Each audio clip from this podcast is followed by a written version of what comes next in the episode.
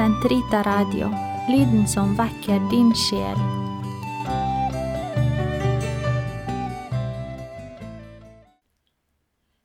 Den katolske kirkes katekisme, uke 42, lørdag 2346 til 2350. Å gi seg selv helt og fullt.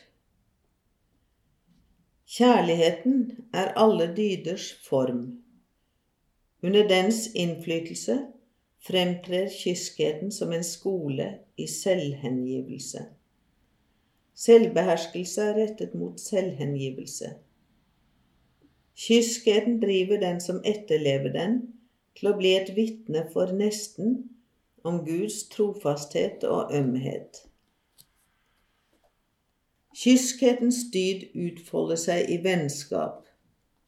Den viser disippelen på hvilken måte han skal følge og etterligne ham som har valgt oss til sine venner, som ga seg selv helt for oss og har gitt oss del i sin stilling som Guds like. Kyskheten er et løfte om udødelighet.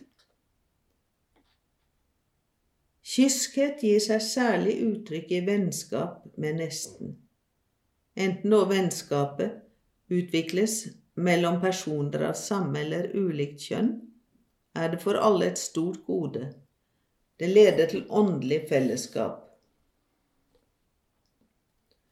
Kyskhetens ulike vilkår. Alle døpte er kalt til kyskhet. Den kristne har iført seg Kristus, Galaterne 3,27, all kyskhets forbilde. Alle kristustroende er kalt til å leve kyskt, alt etter livssituasjon. I dåpen påtok den kristne seg å leve ut sitt følelsesliv i kyskhet. Kyskhet bør prege den enkelte alt etter levekår og livssituasjon. Noen i jomfrustand eller vigslet sølibat, som er en fremragende måte å gi seg selv hen til Gud med et udelt hjerte. Andre på den måten moralloven foreskriver for alle, og ettersom de er gifte eller ugifte. Gifte er kalt til å leve i ekteskapelig kyskhet, de andre lever kyskt i avholdenhet. Kyskhetens dyd har tre former.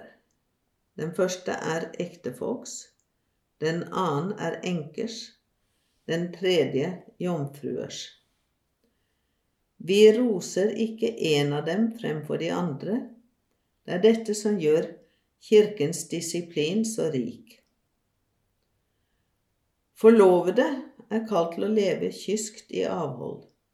I denne prøvelsen skal de oppdage hva det betyr å respektere hverandre lære trofasthet og håp om å få hverandre fra Gud.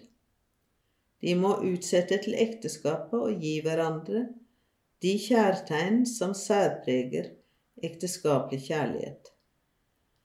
De må hjelpe hverandre til å vokse i kyskhet.